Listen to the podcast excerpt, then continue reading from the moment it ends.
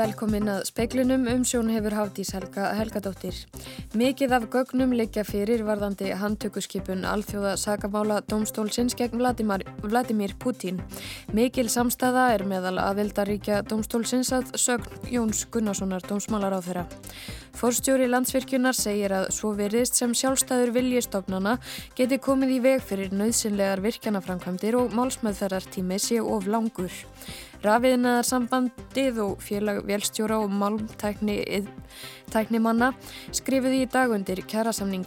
Enn á eftir að semja við nokkur orkufyrirtæki en lögmaður samtaka atvinnulífsins er vongóður um að samningar verði undirritaðir á næstu vikum. Versmanæja bær skrifaði í dagundir samningum átöku 30 flóttamanna. Nýju sveitarfélög hafa skuldbindi sig til að taka á móti samtals 3000 flóttamönnum í samstarfi við stjórnvöld. Fórstjóri Livjastofnunar segir unnið að því að koma í veg fyrir að alvarlegur livjaskortur á við þann í vetur endur taki sig. Viðvarandi og alvarlegur skortur hefur verið á síklarlivjum um allan heim. Jón Gunnarsson er nú á samt 40 dómsmálar á þeirrum viðsvegar aður heiminum á nokkus konar samstöðu fundi aðildaríkja alþjóða sakamála dómstólsins. Jón segir fundin haldinn til þess að samræma stuðning við dómstólinn eftir að gefin var út handtökuskipun gegn Rúslands fósita. Bretar og hollendingar bóðuðu til fundarins eftir að saksóknari við domstólinn gaf út handtökuskipun gegn Vladimir Putin á föstu dag.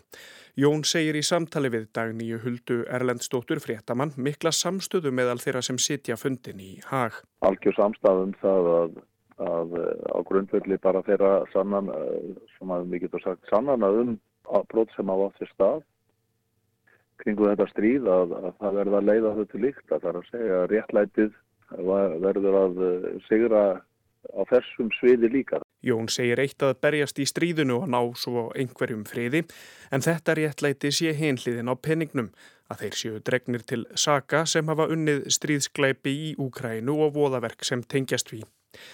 Jón segir mikið af gögnum likja fyrir varðandi handtökuskipununa á Pútín en mikil vinna sé framundan. Íslensk stjórnvöld ákváðu í fyrra að tvöfalda framlögur ríkisins til alþjóða sakamáladómstólsins og því verður framhaldið í ár. Auk þess hófur ríkið nýlega að greiða sérstaklega í styrtarsjóð þólenda alþjóðagleipa. Róbert Jóhansson tók saman. Fórstjóri landsvirkjunar segir að ef leifisveitingaferli hér innan lands virki ekki sem skildi hafið að áhrif á möguleika fjölmarkra atvinnugreina sem vilji vaksa hér á landi. Svo verðist sem sjálfstæður vilji stofnana komi í veg fyrir nöðsynlegar framkvæmdir svo afla megi meiri orku á Íslandi. Mikil spurn er eftir orku á Íslandi, bæði frá núrandi kaupendum og ekki síður frá nýjum aðilum. Því hefur landsvirkinn þurft að vísa áhuga sömum kaupendum frá. Landsvirkinn hefur róið að því öllum árum að abla tilskilina leifa fyrir frekari uppbyggingu orkumannvirkja sem hafa verið undibúningi í ár og áratugi en lítið hefur gengið.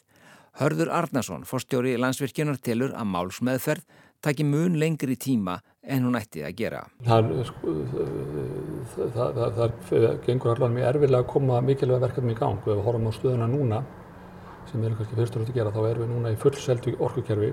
Við erum með metnaðafull markmið um orkuskipti. Við erum með fjölmalgar atvinnugreinar sem hafa áhuga að vaksa og jafnvel koma á þetta landsins sem mikil sáttur um. Við munum ekki geta synd þessu mikilvæga verkefnum ef að leifisveitingaferlin virka ekki aðeinslega nátt. Sæði hörður Arnarsson í samtali við Benedikt Sigursson. Nánar verður rætt við hann í fréttum sjónvarsklukkan 7. Rafiðnaðar sambandið og félag velstjóra og málmtækni manna skrifiðu í dag undir kjærasamning við Orkuveitu Reykjavíkur.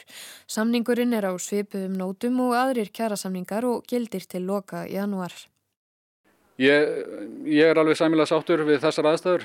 Þá er þetta bara mjög ánægilegt að ná kjærasamningum uh, við þessar aðstæður. Það er þetta bara skiptir miklu máli. Þannig að okkar fólk fái launahækkun eins og aðrir hópar á Hjörlandi. Segir Kristján Þórður Snæbjörnarsson formaður rafiðna sambandsins samningurinn fyrir kynningu og atkvæðagreyslu en hvenar má vænta niðurstöðu? Uh, niðurstöðu áleika fyrir í byrjun næstu viku. En þið eigið nokkra hópa eftir ennþá? Já, við erum með þá eftir að semja við uh, önnur orkufyrirtæki hér á landi og, og það er svona, þá næstu verkefni er að, að fara í þá hópa og klára þá samninga líka og síðan eru auðvitað ríki og sveitafélag eftir. Guðmundur Heiðar Guðmundsson, lögmaður samtaka atvinnu lífsins, skrifaði undir samningin fyrir hönd orkuveitunar. Hann segir samningin svipaðan öðrum samningum sem gerðir hafa verið að undaförnu. Og það er það komið ákveð merki inn í orkusamningana sem verður þá gengið frá núna bundu voni við á næstu dögum. Þannig að við séum að skila þessum launahækkunum til uh, allra mikilvægur stafsmenn orkufélagana á, á næstu dögum. Hver mörgum samningum við fyrirtæki orkugerunum á enn eftir að ljúka? Þetta eru um 6-7 samningar í tilvikið innaðamanna og svo eru fleiri samningar líka hjá öðrum stafsópum, háskólahópum og verkamannahópum sem verður þá gengið í núna á næstu dögum að, klára upp. Er bjart síðan að uh, þar finnist jákvæðin auðvitað? Já, ég bindi mikla vonu við að við sem komum með ákveði merki í þessum samningi sem verður útvært á, á, þá samninga sem eftir eru á næstu dögum. Saði Guðmundur Heiðar Guðmundsson, Arnar Björnsson talaði við hann og Kristján Þórð Snæbjarnarsson. Nýju sveitarfjölög hafa skuldbundið sig til að taka á móti samtals um 3000 flótamönnum í samstarfi við stjórnvöld. Vesmanæja bær skrifaði í dag undir samning um mátöku 30 flótamanna. Félags- og vinnumarkasráðunitið hefur frá því november gert samninga við nýju sveitarfélögum samræmda móttöku flótafólks. Reykjavík tekur á móti flestum eða 1500 og Hafnarfjörður næst flestum eða 450 manns. Reykjanesbær, Akureyri, Árborg, Mósfellsbær, Múlaþing og Hortnafjörður hafa sömuleiði samið við ráðunitið og nú síðast í dag Vestmanæjabær sem hegst taka á móti alltaf 30 manns. Íris Róbersdóttir er bæjarstjóri Vestmanæja. Nú þegar í tengslu við þennan samning um samvægt að mótöku eru komin 14 einstaklingar á aldrinum 20-50 ára og flestir þeirra eru kominir í vinnamerisja. Öll eru þau frá Úkrænu. Íris segir það leggjast vel í eiga menn að taka á móti flóttafólki. Þegar allir 30 eru komnir þá er þetta svolítið fjöldi og það er alveg bara mikil samkend í samfélaginu og við bara strax í fyrir að því stríði var þá byrjaði þá tók bæjastjórn ákverðun um að taka á móti flóttamönnum og það er ofsalega bara jákvægt og jákvæðin í samfélaginu og fólk tilbúið að leggja á sig til að leggja okkar á mörgum í þessu verkefni. Sæði Íris Róberstóttir, Sunna Karin Sigurþórstóttir tók saman. Ekkert síma eða neðsamband er á veginum um hófaskarð á Langanesi og þar í kring. Ottviti sveitarstjórnar Langanes beigðar segir málið litið alvarlegum augum en lausnin sé nokkuð einföld. Spurningin sé einungis hverjir eigi að borga brúsan. Sigurður Þór Guðmundsson, ottviti sveitarstjórnar Langanesbyggðar, segir stöðu fjarskiptamála í sveitarfélaginu ábótavand og köplum sér hinnlega ekkert GSM, net eða tetrasamband. Sérstaklega bagalegt er þetta hérna, í Hóaskarðinu og Hólaheiði. Það sem fyrstu skaplarnir koma á veginna, þar er akkurat sambandslust og svona veldur vandröðum. En svo e e eigum við líka nokkra bæi í sveitafélaginu sem eru nánast alveg sambandslausir í GSM-sambandi. Sveitarstjórnin telur stöðuna með öllu óásættanlega.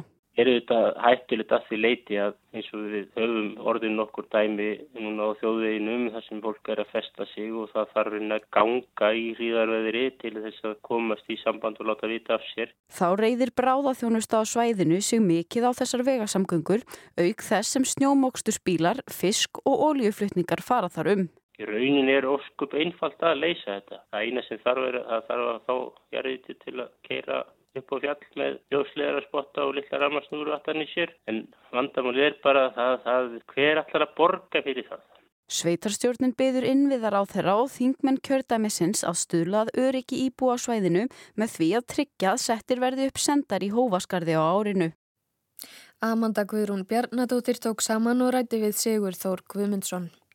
5% fleiri störfuðu á íslenskum vinnumarkaði í janúar en á sama tíma í fyrra samkvæmt tölum frá Hagstofunni. Ríflega 205.000 manns eru starfandi í landinu í dag og eru innflytjendur um 15 þeirra. Atunuleysi er 3,3% eða svipað og fyrir ári síðan. Forstjóri Livjastofnunar segir stofnunina og yfir völdvinna hörðum höndum á því að koma í veg fyrir að alvarlegur livjaskortur á við þann í vetur endurtæki sig. Síklarlið við streptokokkum fæst á ný eftir að hafa verið ófáanlegt síðan í byrjun februar. Það hafa alltaf verið miklar streptokokkasíkingar svo hafa verið bara almenna síkingar hér á Íslandi og líka í Evrópu og það náttúrulega gerir þetta allt frekar þúnt. Dróðulega miklar síkingar Uh, og, og veikindi bara svona almennt segir Rúna Haugstóttir Kvanberg forstjóri Livjastofnunar.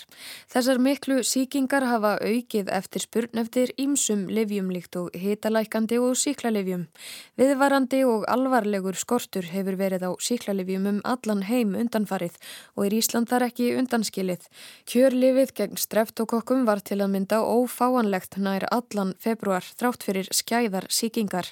Rúna segir að margir samverkandi þættir hafi gert stöðuna svo slæma. Já, það það er náttúrulega aldrei neitt eitt þegar eitthvað byrjar að fara úr skorðum og uh, það er kannski einna helst það, það eftirspurnin var mikil, ekki bara hér heldur náttúrulega í Evrópa því að það voru miklar síkingar og streptokokkosíkingar erfiðar og það, það er náttúrulega kannski að hluta til að því að við hefum verið í töluverðri einangrun uh, undanfærin tvö ára eins og allir þekkja Um, síðan alltaf blandast þetta svo sem allt saman við það. Það er alltaf búið að vera COVID vesmiðnar hafa kannski ekki keirt alveg á fullu. Og við erum kannski að sjá það núna það tekur svolítið tíma að, að það fer að hæja á afurðunum í, í vesmiðunum uh, það er það sem við höfum líka verið að, að, að sjá. Svo er náttúrulega bara stríði í Evrópu Úkrænu stríði með öllum þeim hörmungum sem því fylgir.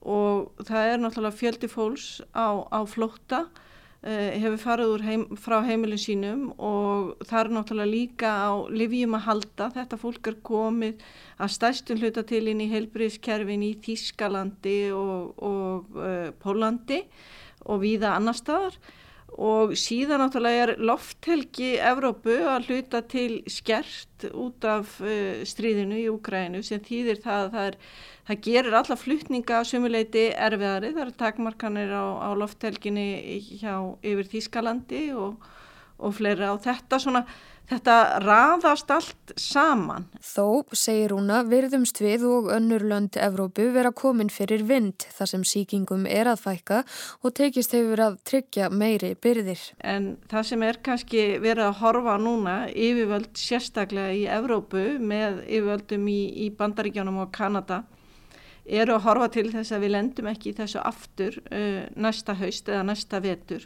Svo það er verið að reyna að auka framslugetuna á síklarlefjum e, í Evrópu og, og í heiminum. Mikil áhersla hefur verið á að draga úr nótkunn síklarlefja til að spórna við síklarlefja ónæmi.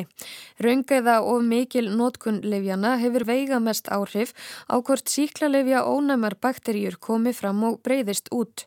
Síklarlefja nótkunn jógst mikið eftir COVID-faraldurinn. Já, hún jógst náttúrulega töluvert uh, út af síkingum sem voru svona gegnum sneitt mjög algengar bæði í Európos og sem í bandaríkjónum og, og það var kannski svona bara hliðar afurða þess að við höfum, við höfum haldið okkur mikið til hljés frá næsta fólki og, og, og við vorum ekki undirbúin undir þessar síkingar og það er þetta að keira ánámskerfi svolítið upp. Eh, það, var, það er eitt hlut af þessu og svo var kannski byrðarstaðan ekki eins góð og hún hefði þurft að vera og það er náttúrulega því að, að það hefur náttúrulega verið COVID og, og, og versminnar ekki gengið á fullu og það er kannski svona búið að taka tvö ár kannski að það, það kom í ljós. Mm -hmm. En uh, þá vantarlega fyrir vikið hefur þurft að nota já, aðrar gerðir af síklarleifjum.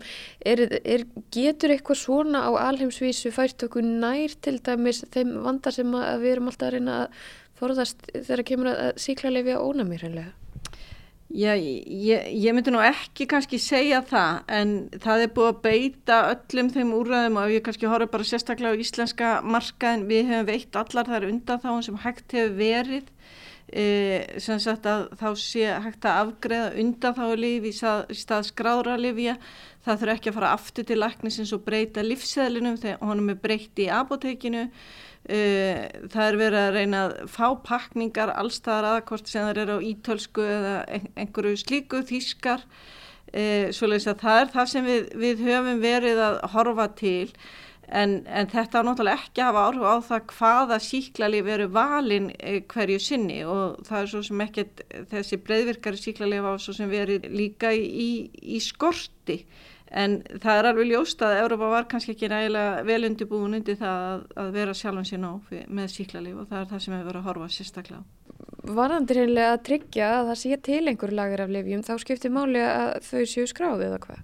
Jú og það skiptir mjög miklu máli og þess vegna voru við til dæmis að senda fá okkur frétt eh, fyrir helgina það sem við vorum að, að, að bjóða afslætti á, á skráningagjöldum fyrir sérstaklega lif sem hafa verið í undanþákerfinu hjá okkur og undanþákerfið er tölvert bústið eins og maður mætti segja og við viljum það helst að lifin séu skráð því það tryggir ákveði byrðahald. Því undanþákerfið er bara, er bara redding, það er undan þáa eða undan tekning frá aðalferlinu.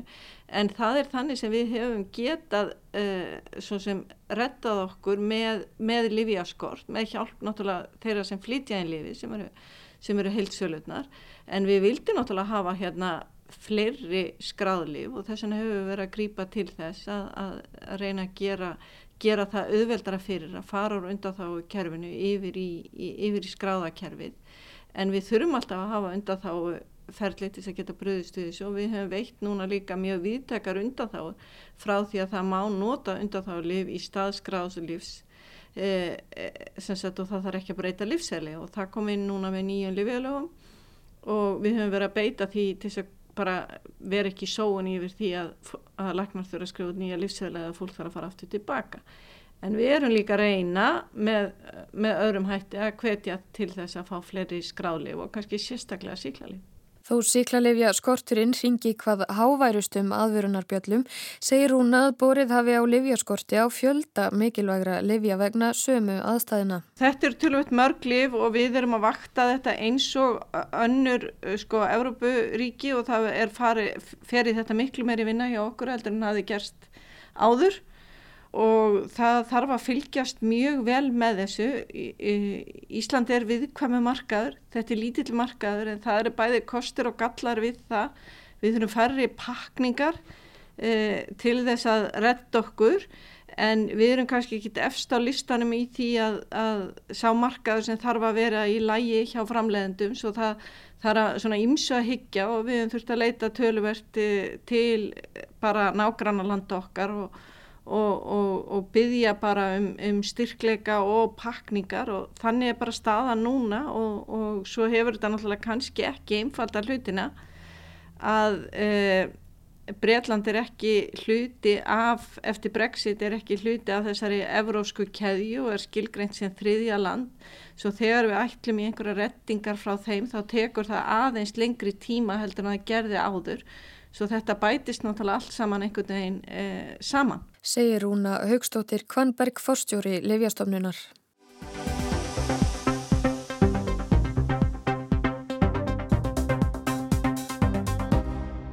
Í dag eru 20 ár liðin frá því að bandarækjaman og brettar réðust inn í Írak. 30 ríki þar á meðal Ísland stuttu innrásina. Markmiði var að koma Saddam Hussein frá völdum í Írak.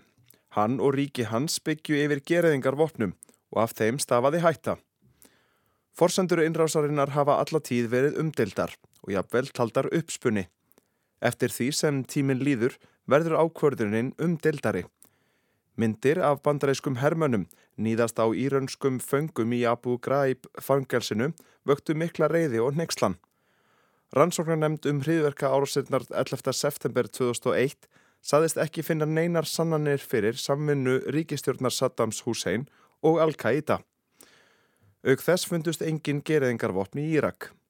Allt var þetta á skjön við helstu réttlætingar bandaríkastjórnar fyrir innrásinni. Áhrif á samfélagið í Írak voru hins vegar mikil og sjást enn. Tugir eða hundruð þúsunda fjallu í stríðinu, bæði hermenn og almennir borgarar. Upp frá innrásinni spruttu upp öfgahópar í landinu og í nágrannaríkjum sem reyndu að komast til valda. Yngibjörg Solvun Gísladóttir, fyrirhandi utaríkisatra, borgastjóri og alþingismadur. Velkomin í speilin. Takk fyrir. Þú er starfað í Írak á vegum saminuðu þjóðana. Svona hvernig blasa áhrif stríðsins við í dag? Hvert er svona fótspor þess í írisku samfélagi? Já, fótsporið er gríðarlega stort og það má ég lega segja að svona 20, núna 20 árum eftir innrásina þá sé það allstað við blasandi uh, sko eigðilegging þessa stríðs. Uh, það varðu þetta, sko, við getum sagt að, að svona infrastruktúrin í landinu varðu þetta fyrir sko miklu tjóni og það hefur ekkert verið byggt upp á þessum 20 árum sem síðan eru liðin og svo eru þetta hinn pólitíski, hinn pólitísku afleðingar innrásarinnar voru þetta gríðarlega miklar svo ákverðin til dæmis að banna batflokkin og leysa upp íraska herin eins og var gert eftir innrásina hafði þær, þær afleiðingar að þeir sem hafði verið í, í hernum, íraska hernum og hafði fengið þjálfund þar og hafðu allt í hennu ekkert að gera og ekkert hlutverk. Þeir auðvitað margir hverjir gengur til liðs við Ísis og, og, voru svona kannski ákveðin kjarni í, í, í Ísis í, í Írak. Og eðileggingin af því er auðvitað alveg skelvileg. Það líka, stjórnkerfi misti alveg mjög mikið af, af reyndu fólki sem hafi unni við stjórnsýslu lengi. Og þeir sem að koma í staðin voru ekki kannski mjög burðugir, margi hverjir. og þar að ekki þá var í rauninni fljótlega að varða ákveðin skipting sem við getum sagt að svona klíkustjórnmálinn urðu allsráðandi þannig að, að það voru síja, muslimar, sunníjar og, og kurdar sem að skiptu svona stjórnkerfir bara á milli sín og, og hafa bara hver hópur reynd að koma eins mörgum fyrir inn í stjórnkerfinu og þeir mögulega geta til þess að mjölka kerfið innanfrá. Og þetta eru þetta allt afleðingar af nýðurbróti, algjörðu nýðurbróti sem verður pólitíst, félagslega, hernaðlega, samfélagslega í landinu eftir innrásina. Þannig að heilt yfir að þá hafði innrásin verri áhrif á samfélagi heldur en ella? Alveg klárlega og ég held að, að það sé nú stóri lærdómurinn af þessari innrás að þú ferð ekki inn í land með vopnavaldi með það markmiði að, að, að koma á líðræði og, og líðræðislegum stjórnarháttin. Það bara virkar ekki þannig. Mm -hmm. Það gerir það ekki og það þýðir bara uh, niðurbrót og það tekur ára tíi að, að fyrir svona ríki að rétta úr, úr kútnum mm -hmm. og uh, þannig að þetta er bara, já, stóri lærdóminum getur, getur við sagt. Mm -hmm. En hver er lausnin? Það, eftir innræðsuna þá sprett, spretta upp ISIS og að hver er svona leiðin út úr, út úr stríðunni eða borgarstyrildinni það fyrir eftir hvernig, hvernig við lítum á það? Ég held að Írakar séu alveg færir um að, að takast af þetta sjálfur.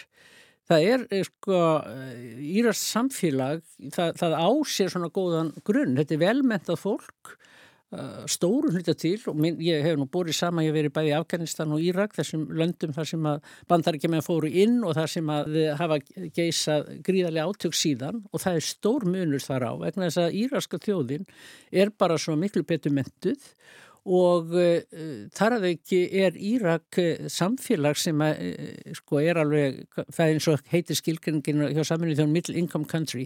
Þetta er land sem hefur heilmikla tekjur af, af olju og, og, og gasi og hefur alla burði til að, að byggja sér upp og maður sér í Írak það hefur verið upp, byggðar upp spítalar sem eru bara alveg gríðarlega flottir og, og, og gætu verið hvar sem er á Vesturlöndum eins sem, sem er háskólastofnanir. Þannig að þeir hafa alla burði til að gera þetta. Það sem er vandamáli það er þessi klíkustjórnmál og það er þessi reysilega spilling. En ég hef trú á því að ungt fólk í Írak og maður ma mjög sterkar vísbendingar um það að það ætli sér að breyta þessu og, og ganga mellir bóls og höfus á þessari gríðarlegu spillingu sem að, sem að það er viðgengst. Og við sáum það í síðustu kostningum það voru kannski bestu kostningarna sem að Írakar hafa haldið þó að síðan e, e, endur speklist þær kannski engu leiti í þeirri ríkistjóð sem síðan var, var mynduð en það komu inn e, talsveit af óháðum frambjóðundum konur komið auknumæli inn í stjórnmálinn og ungt fólk og nýjir flokkar. Þannig að það er, það er gergin og ég hef trúið því að Írakar sjálfur geti fyllilega tekist á við þetta. Þú varst þannig Írak um þetta starfa í kringum kostningar í landinu. Er gangverk samfélagsins, er það komið í gang eins og til að mynda gagvart kostningum eða treystir fólk ekki stjórnkerfunu? Nei, það er sko, þessar kostningar voru bara alveg príðilega skipulaðar og þeir hafa alla, eins og ég segi, þekkingu og burði til að gera hlutina sjálfur en, en það vantar auðvitað upp á tröstið gagvað kerfin og það er eiginlega kannski viðvera svona saminuð þjóðan og viðvera þessa alþjóðasamfélags þarna í þessum kostningum var fyrst og fremst til að gefa þeim svona, uh, gefa vísbendingar um að það væri fylst með þessu og það væri verið að tryggja að, að þetta væri aftur í lægi mm. en þeir skipulega þetta sjálfur, þeir gerðu þetta sjálfur þannig að, að og þeir hafa alltaf burðið í það. Það er spillingin og það er skortur og trösti sem er auðvitað viðvarandi vegna þess. Mm -hmm. Að þú reynir aðeins í kristalskúluna eina, hvernig sér þið framtíð Írak fyrir þér í næstu 20 árum? Ég veit ekki, sko, það er eitt sem ég náttúrulega glemti kannski að nefna sem er einn afleðing af innrásinni í Írak og það er aukið vald Íran á, á svæðinu þetta var svo, öfugsnúið eh, bandaríkjaman uh, sögðust fara inn til að byggja upp uh, líðræði og stöðuleika í, í, í, ekki bara í Írak heldur á svæðinu En þeir rauninni, sko, stöðuleikin fór algjörlega út um gluggan eh, vegna þessar innrásar og þeir byggu til mjög sterkar stöðu fyrir Íran sem eina svona valdapólinn á, á svæðinu. Og Íran skipti sér mjög mikið af stöðumála í Írak og skipti sér mikið af, af stjórnmálum og er í rauninni e, svona mikill áhrifavaldur. Og ef að það er hægt að, að einhvern veginn að tempra það, það er að komið vekk fyrir þessi miklu afskipti Íran af landinu, þá held ég að, að möguleikarnir séu bara uh, nokkuð góðir ef að, ef að Írakar fá frið til að vinna sjálfur í sínum málum. Mm -hmm. Hvers vegna eru Íranar að skipta sér af málunum um Írak? Það eru bara miklu hagsmunir, það eru gríðarlegar hagsmunir að þeir hafi uh, mjög höndi bakka með það hverji stjórna í Írak. Þeir eru auðvitað stand og bakk við ákveðna uh, hópa síja muslima í, í landinu og þessi síja muslima, þessi pólitíkusar, síja pólitíkusar í Írak eru margi hverju mentaðir og hafa og byggu í Íran í tíð Saddam Hussein, þannig að það er, það er mjög bein tenging hérna yfir og þetta er náttúrulega gríðarlegt þetta er oljuhagsmunir og margvíslegir hagsmunir, þannig að og svo er þetta baráttan millir annars vegar Íran og Sáti Arabíu mm -hmm. sem að hérna, endur speklast þarna. Bandrækja hér, hann er enn með viðveru í Írak, hvernig er svona almanna álitið í þeirra garð? Ég var nú kannski ekki sérstaklega eh, vörfið álitið kakvað hernum sem slíkum en uh, það er svona, fólk er, er auðvitað ekkit hrifið af, af bandarískri íhlutun í al, almenningur í, í málefni Írak og, og uh, það er svona ákveðin kaltæðinni líka sem er í gangi hjá fólki gagvart vestur löndum og, og uh, svona maður sá það til dæmis þegar innrásin, þegar rúsa ríðust inn í, í, Úkrænu að það voru margi svona í Írak sem bara yftu aukslum og sögðu já, hvað með það? Nú getið þið bara barist á ykkar leikvelli, þetta er bara ykkar leikvellur þið skulle bara útklæða þetta þar. Og þau þurfu ekki að gera þetta núna hérna í miðausturlöndum. Mm. og leið og fólki sko fann til með, með almenningi í Úkrænu fyrir að vera fórnalambi í þessu stríði þá, þá er svona, já, ákveðin kaltæðni í gangi. Ég held bara að komast ekki lengra. Ingi Björg Sólun Gísladóttir, takk hjá það fyrir komuna í speilin. Takk fyrir. Og það var Bjarni Rúnarsson sem ræti við Ingi Björgu Sólurunu Gísladóttur. En það var helst í speiklunum í kvöld að mikið af gögnum leikja fyrir varðandi handtökuskipun alþjóða sagamáladómstólsins gegn Vladimir Putin. Mikil samstæða er meðal aðildaríkja dómstólsins að sögn Jóns Gunnarssonar dómsmálar á þeirra. Fórstjóri landsvirkjunar segir að svo veriðst sem sjálfstæður vilji stofnana geti komið í veg fyrir nöðsynlegar virkjana framkvæmdir og málsmeðferðartími sé of langur. Rafiðnaðar sambandið og félag vélstjóra og málmtækni manna skrifuði í dag undir kjærasamning. En á eftir að semja við nokkur orku fyrirtæki en lögmaður samtaka atvinnulífsins er vongóður um að samningar verði undirritaðar á næstu vikum. Versmanæja bær skrifaði í dag undir samningum móttöku 30 flótta flótamanna. Nýju sveitarfélög hafa skuldbundi sig til að taka á móti samtalsum 3000 flótamönnum í samstarfi við stjórnvöld. Forstjóri Livjastöfnunar segir un unnið að því að koma í veg fyrir að alvarlegur livjaskortur á við þannig vetur endur taki sig. Viðvarandi og alvarlegur skortur hefur verið á síklarlivjum um allan heim og veðurhorfur uh, hægt vaksandi austan og norðaustanátt í kvöld og nótt, austan all hvers vindur á morgun en stormur eða rók með suð með suðurströndinni.